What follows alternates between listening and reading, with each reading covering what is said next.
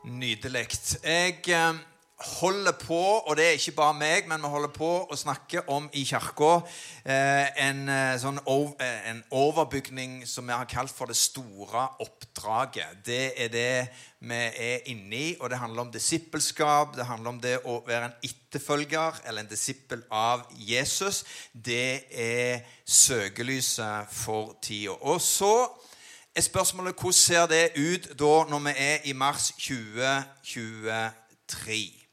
Eh, hele grunnlaget her ligger i Bibelen, Matteus eh, 28. Den store befalingen som Jesus gir. Gå derfor ut og gjør alle folkeslag til disipler. Idet dere lærer dem å holde og døype dem.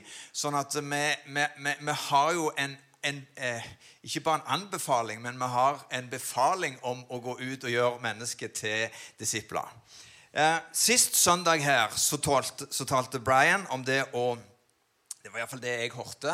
Om å våge å ta nye steg. Og at Den hellige ånd hvisker til oss at vi skal våge å handle på det, fordi en disippel våger å handle. Og Så modellerte du Brian gjennom å si at det er en sårbarhet i det. Det er ikke det er ikke alltid det går på skinner. Du var litt tregt ute i den bussen, men du kom på ballen på slutten, og så fikk du oppmuntring av Den hellige ånd. Det er sånn at det ikke alltid vi lykkes gjerne på første forsøket, men det var en nydelig modellering av at vi våger å begynne å handle på det Den hellige ånd taler til oss om. Så eh, det satt iallfall jeg igjen med. Om eh, ja, jeg skal bare si noe om at 5. mars så forsøkte jeg eh, å gi en analyse av den tida vi lever i, hvordan det påvirker oss. Eh, at vi kan risikere å gjemme oss våger ikke helt å holde fram Bibelens levesett i fare for å gjerne bli latterliggjort og stempla. Og det som kommer nå, det er egentlig trinn nummer to i forhold til det som jeg begynte på den 5. mars. Den ligger òg tilgjengelig på podkasten som ligger på eh, Spotify. Så der kan du finne den. Om du skal bli stående i møte med verden rundt deg med et annet verdisystem. Fordi det er det som er tilfellet akkurat nå. Det er et annet verdisystem der ute. Så vil Paulus hjelpe oss med noe han skrev for 2000 år siden. Han skriver 'Bli ikke influert eller påvirka eller danna lik denne verden'. Det sier han i Romerbrevet til romerne i kapittel 12 og vers 2. Og så kan din refleksjon være det er lett å si det. Men han går videre og sier hvordan skal det da skje? Jo, gjennom at sinnet vårt blir fornya. Han sier at sinnet vårt må tenke nye tanker. Vi må påvirkes av en bedre kilde. Vi må vaskes rein av og bli influert av Bibelen. Så han sier altså at vi har en annen kilde, det er Bibelen, og vi må la oss hjernevaske av en annen ideologi enn den verden som vi har rundt oss. Paulus er tydelig på det.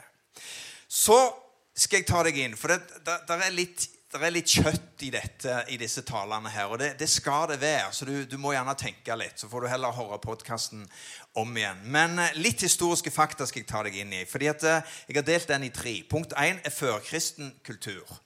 Et godt eksempel på det er Romerriket. For før kristen tro begynte å vokse og påvirke samfunnet, så var Romerriket der. Men når de første kristne kom, så begynte de å påvirke hele dette samfunnet.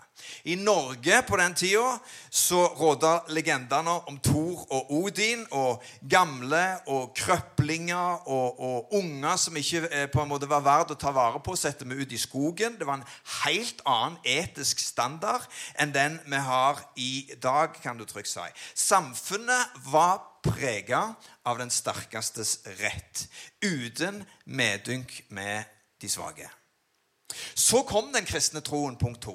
Først i Midtøsten og deler av Asia, så videre mot vest. Og kristen tro begynte å gjennomsyre samfunnet. Og ikke bare innenfor kirkene, men statsmakten, økonomi, utdanning og sykehusvesen.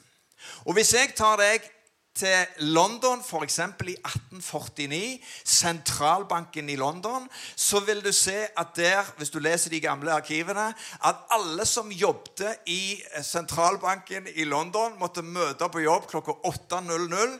For fra 8 til 8.30 så var det bønn for alle. Fra banksjefen til de som var renholdspersonale. Det betyr altså at det var en helt annen gjennomsyring av hele kulturen på kristen tro. Hvis du kaster to steiner ned her, så kommer du til Åse Dreieri. Jeg har sagt det før, men det er en god historie. Jeg skal ikke ta hele. Men der var det en bevegelse av Gud. Så når de starta Åse Dreieri og begynte å starte møbelindustri, så var de guttene der som starta det hele, med Løvaas og gjengen i spissen, de inviterte hver morgen til bønnemøte før de starta maskinene i fabrikken.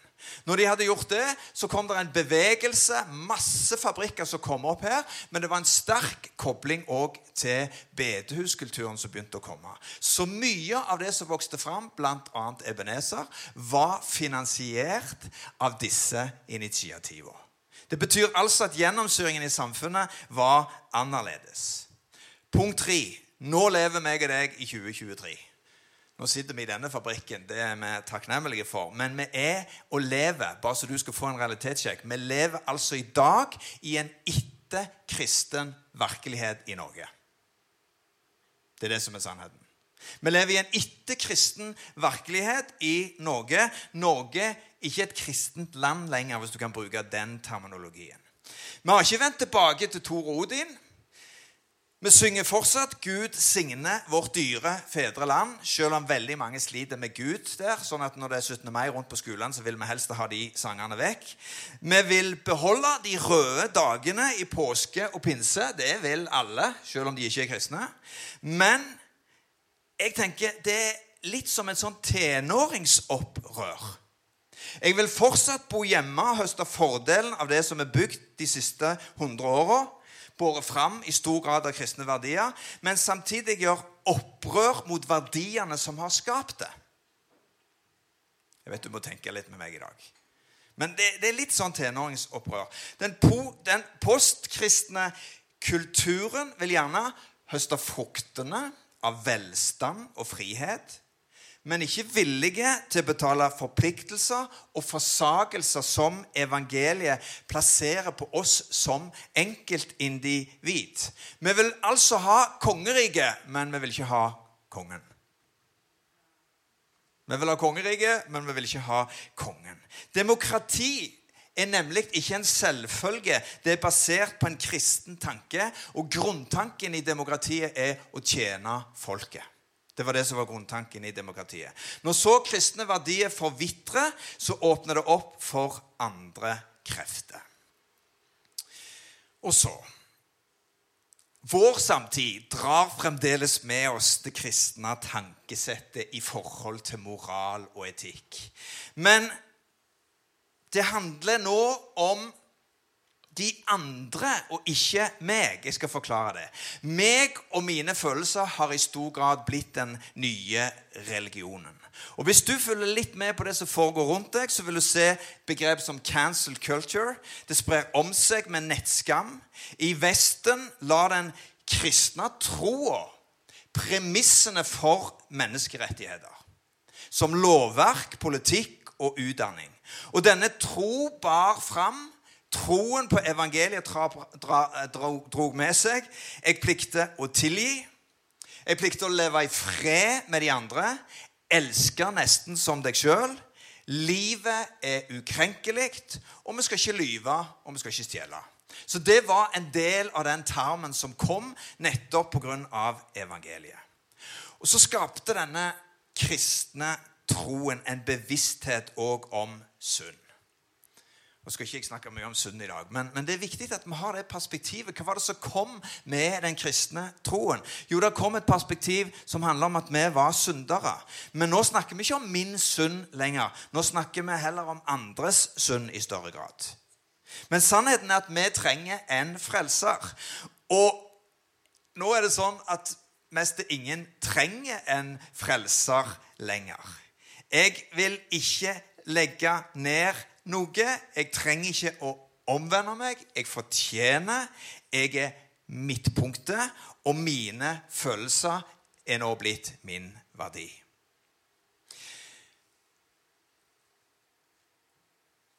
Jeg er ikke lenger et problem, men du derimot. Vi retter sinne mot de som mener noe annet enn meg. Og det jeg ser når du tar en liten puls på samtida vår, det er at den nye moralen har blitt paria. Det betyr at du er spedalsk. Du mener noe annet enn meg. I tillegg så gjennomsyres vi av woke-bevegelsen, der vi blir støtt av alt mulig. Og jeg har lyst til å si noe om det. Jeg tror det er antikristelig. Det er antikristelig fordi det er bygd på stolthet. Hør, Jeg gjorde en liten sånn undersøkelse. fordi det, det er interessant Når jeg sitter i samtaler med folk òg, så ser jeg jo at de gangene jeg har tatt dårlige avgjørelser, er der jeg ikke har vært klok, eller på godt norsk der var jeg litt dum. Det er litt vanskelig å innrømme, men sånn er det. Jeg gjorde en undersøkelse i Salomos ordspråk blant annet, og i noen andre deler av Bibelen. I 70 tilfeller som du finner bare i Salomos ordspråk når det står om dårskap. Du vet, du har gjerne lest at Bibelen sier dåren sier i sitt hjerte at det ikke fins noen Gud. En dåre er egentlig det samme som en som er litt dumme. I 99% av tilfellene så er dumhet kobla opp imot stolthet.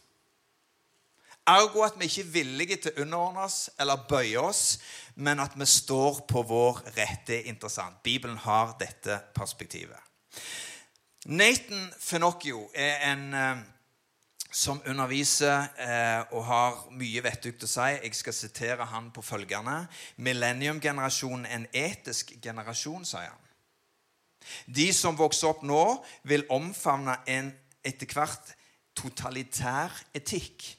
Dette skjer med mennesker som lever uten hensikt, uten ramme av kristen tro. Sluttresultatet av det er ikke en tilbakevending til hedenskap, men en vandring mot det han kaller for militant legalisme, eller alle hopper i samme takt. Jeg tar bare litt pulsen på samtida nå, så kan du være enig eller uenig. Men jeg tror vi ser det faktisk i deler av miljøbevegelsen. Vi ser det bl.a. i eh, jeg holdt på å si dette som går på kjønnsdebatten. Veldig framtredende. Vi ser det i lærebøkene i småskolen, fylles av skeiv ideologi. Det er en eller annen bevegelse vi ser i vår tid. Vi skal bare vite at den skjer. Tim Keller, eller Timothy Keller han sier følgende Det postmoderne mennesket menneske ser på all urett ut fra et menneskelig perspektiv. Dermed blir mennesket demonisert uten å forstå at ondskap har en kilde kun Jesus kan fri oss fra. Problemet er at når noen peker på seg sjøl som frelser, så unnlater en å erkjenne at vi trenger frelse og en frelser som står utenfor oss sjøl. Det er det vi trenger. Hvorfor bruker jeg så litt tid i dag på en sånn analyse? Jo, fordi Gud primært ikke har bedt oss om å bygge et kristent land, men til å gjøre disipler og etterfølgere av Jesus Kristus. Og den kraften der, den kan faktisk disiplinere hele land og folk, for det har det gjort før. Det vi må bare forstå, er at vi lever i ei etterkristen tid, og at vi igjen trenger å være etterfølgere av Jesus og være stolte av det. Framoverlente, som jeg pleier å si. Det har kraft i seg til å endre nasjoner igjen. Så hensikten med en samfunnsanalyse er å peke på svaret, og som jeg sa 5. mars, det er saltet som er svaret. Og meg og deg er kalt til å være salt i denne tida. Så kan du spørre hvordan gjør vi så disipler? Jeg skal komme litt tilbake igjen til det utover våren òg. Men eh, vi skal sitere en tenker til fra Harvard som heter Joseph Nye. Han snakker om hard power and soft power, altså hard makt og myk makt. Og viser til bl.a. Kina og USA, hvor han legger press på mennesker både økonomisk og militært for å få igjennom sin vilje. Den franske filosofen Foucault han er kjent for følgende setning Hvor det utøves makt, vil det bli motstand. Press mennesker for hardt, og de vil skyve tilbake. Nå er det jo store opprør i, i, Paris for tida. Men legger du for mye press på, så går det til et visst punkt, sånn som du ser i Burma eller i Myanmar, og så vil folket ta til angrep, fordi at de kan ikke leve under en sånn oppression som, som det. Da får du en motreaksjon. Men myk kraft, derimot, hva er det? Jo, det beste eksempelet jeg kan finne på det, er Hollywood.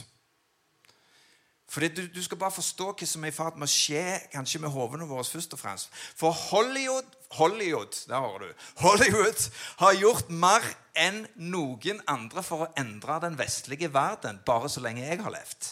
Når det kommer til sex, penger, makt, begjær, vulgariteter, konsum En gradvis forskyvning av alt det som vi trodde på. Og Kulturanalysen fra Rod Dreher lyder Vår kultur i Vesten preges av soft total totalarism.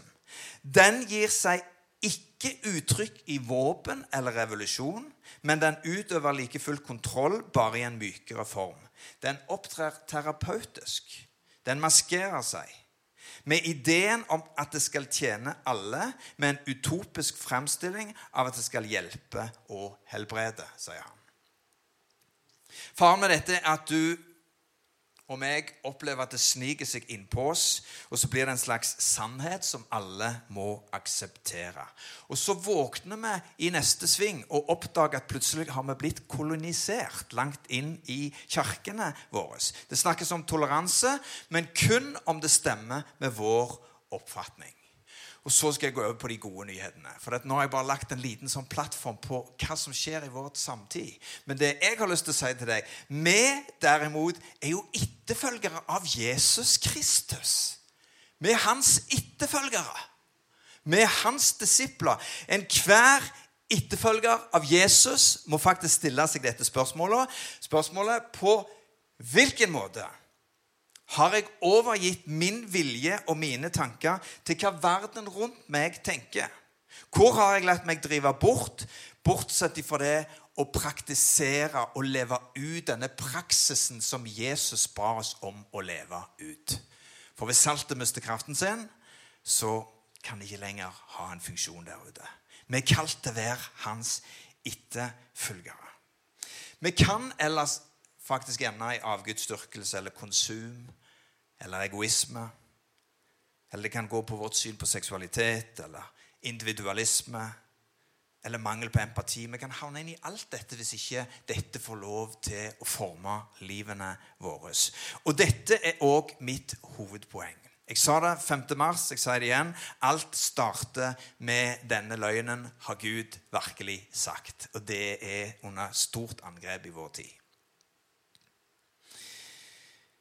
Det vi gir oss til som ikke stemmer med sannheten, det er sånne mentale mapper som kommer fra vår hovedmotstander djevelen, som leder til død og ikke til liv. Og dette er meg det kalt til å avsløre. Å leve ut vårt store oppdrag krever at vi avslører de løgnene, og så omvender vi oss tilbake igjen til boka og til bibelske sannheter. Der tror jeg det skjer noe spennende i vår tid. Når våre unge gutter og jenter toucha det også sist, men jeg skal bare ta en liten tanke der. På 13-16 år. For har forbilder som har grep langt inn i NRK, der de pøser ut sine løgner. Den, all denne jeg kaller det for en strøm av skitt, for det er det det faktisk er. Fungerer som et ekkokammer for kjøttet vårt.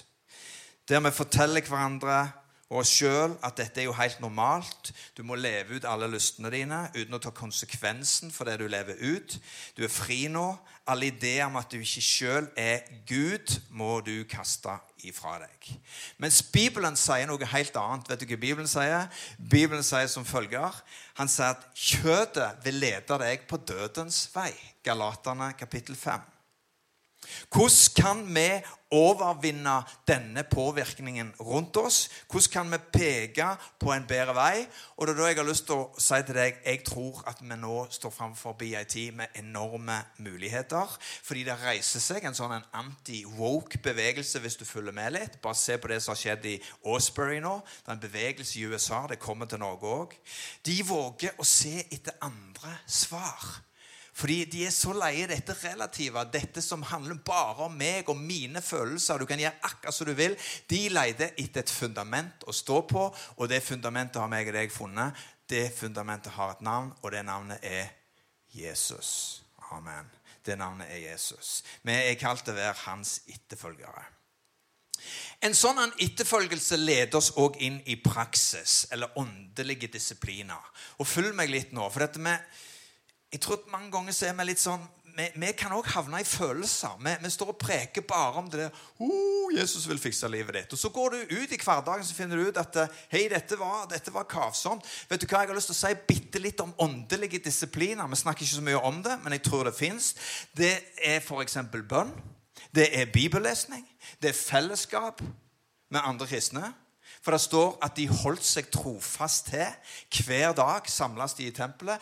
Hver dag kom de sammen. Hver dag hadde de samfunn. Hvorfor hver dag? Jo, fordi hver dag er det som former deg og meg. Så hver dag tar vi fram Bibelen. Hver dag ber vi til Gud. Hver dag tilber vi Han. Hvis vi ikke gjør det, så vil det være andre ting som påvirker og former livene våre. Og dette skal jeg si hva det er, det er åndelig krigføring.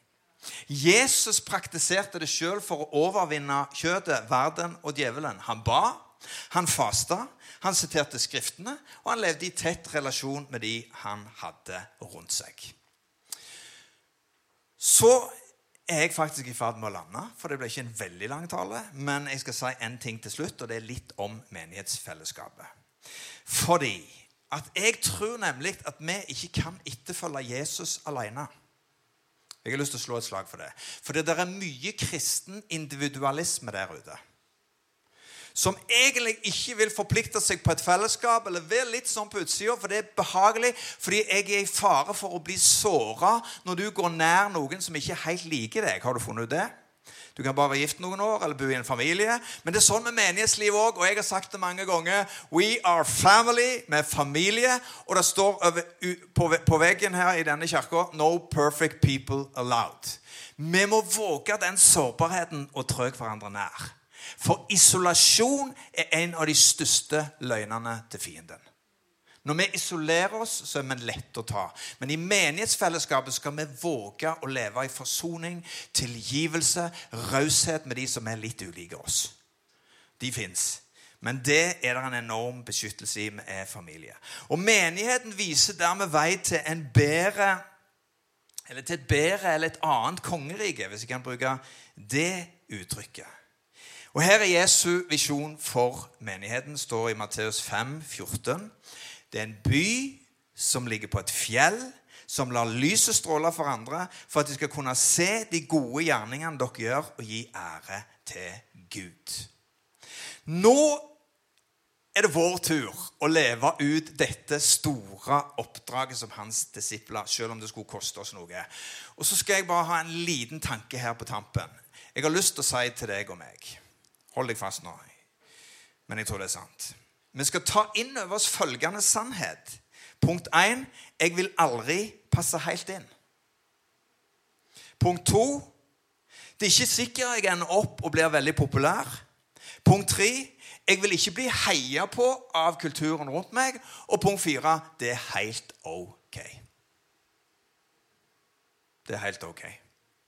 Jeg tror at Hvis vi som kirke tenker at vi skal bli så populære og vi skal på en måte, Nei, vi kommer ikke til å bli det. Men vi kommer til å bli attraktive på den måten at folk kommer til å trenge det som Gud plasserer over sin kirke i denne tida. Fordi det vil være en lengsel etter det fundamentet. Men vi må ikke gå på akkord med den boka som kalles for Bibelen, og som er oppskriftsboka på livet. Vi må våge å sette føttene der og si det tror vi på er sant i 2023. Det er det beste du kan gjøre. Det er å stå fast på det. For Jesus og hans ord kan du aldri skille. Ånden og ordet går hånd i hånd. Vi trenger begge deler. Ordet menighet, eklesia, betyr de som er utvalgt.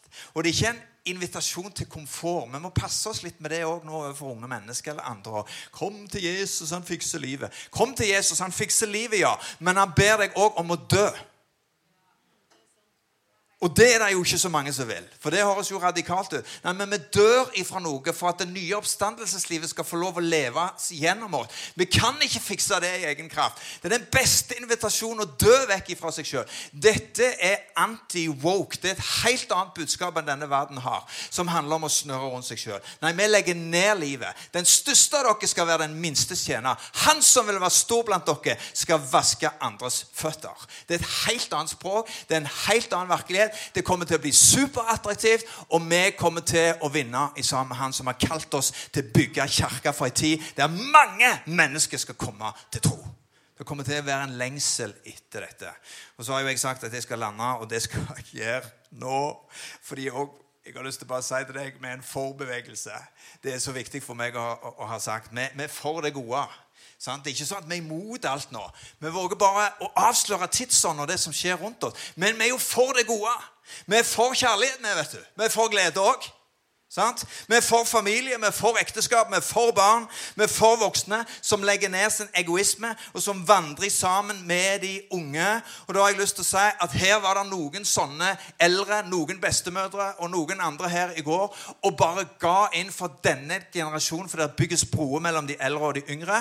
Og noen av de var faktisk sånn at de dro fram kortet og betalte pizza til alle ungene som var her nede. Det er et eksempel til etterfølgelse, fordi noen har skjønt at det handler handler om å bygge en bro til neste generasjon. Det er å bygge kirka sammen.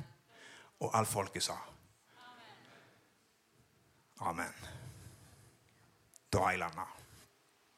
Skal jeg bare gi dere et lite oppdrag her på tampen, og så skal Serena slippe på. Fordi jeg har lyst til å spørre deg Hva om noe berørte deg i denne talen? For ingen læring og endring uten at vi får satt navn på det og faktisk går ut i en ny uke og begynner å tenke gjerne en litt ny tanke og setter det i praksis. Jeg håper at det var en lite gnist av utfordring i det. Kanskje du snur deg til én eller to eller tre og tar en liten prat om var det noe her som jeg ble berørt av. Hva er det som er driveren i mitt liv? Er det sånn at verden og alt det som skjer der, har påvirka meg mer enn det jeg kanskje har tenkt? Og så er det en oppvåkning for vet du hva, tilbake til Bibelen. Jeg vet ikke. Ta en liten prat med de som er rundt deg, så blir det en liten sånn Wow, det drar jeg med meg ut i en ny hverdag. Bruk tre minutter på det. Kommer det litt musikk her, og så skal Serina forstørre dere når dere er klar. Prat litt sammen. Det er bare gode folk du har rundt deg. Hva berørte deg? Og hva læring sitter du igjen med?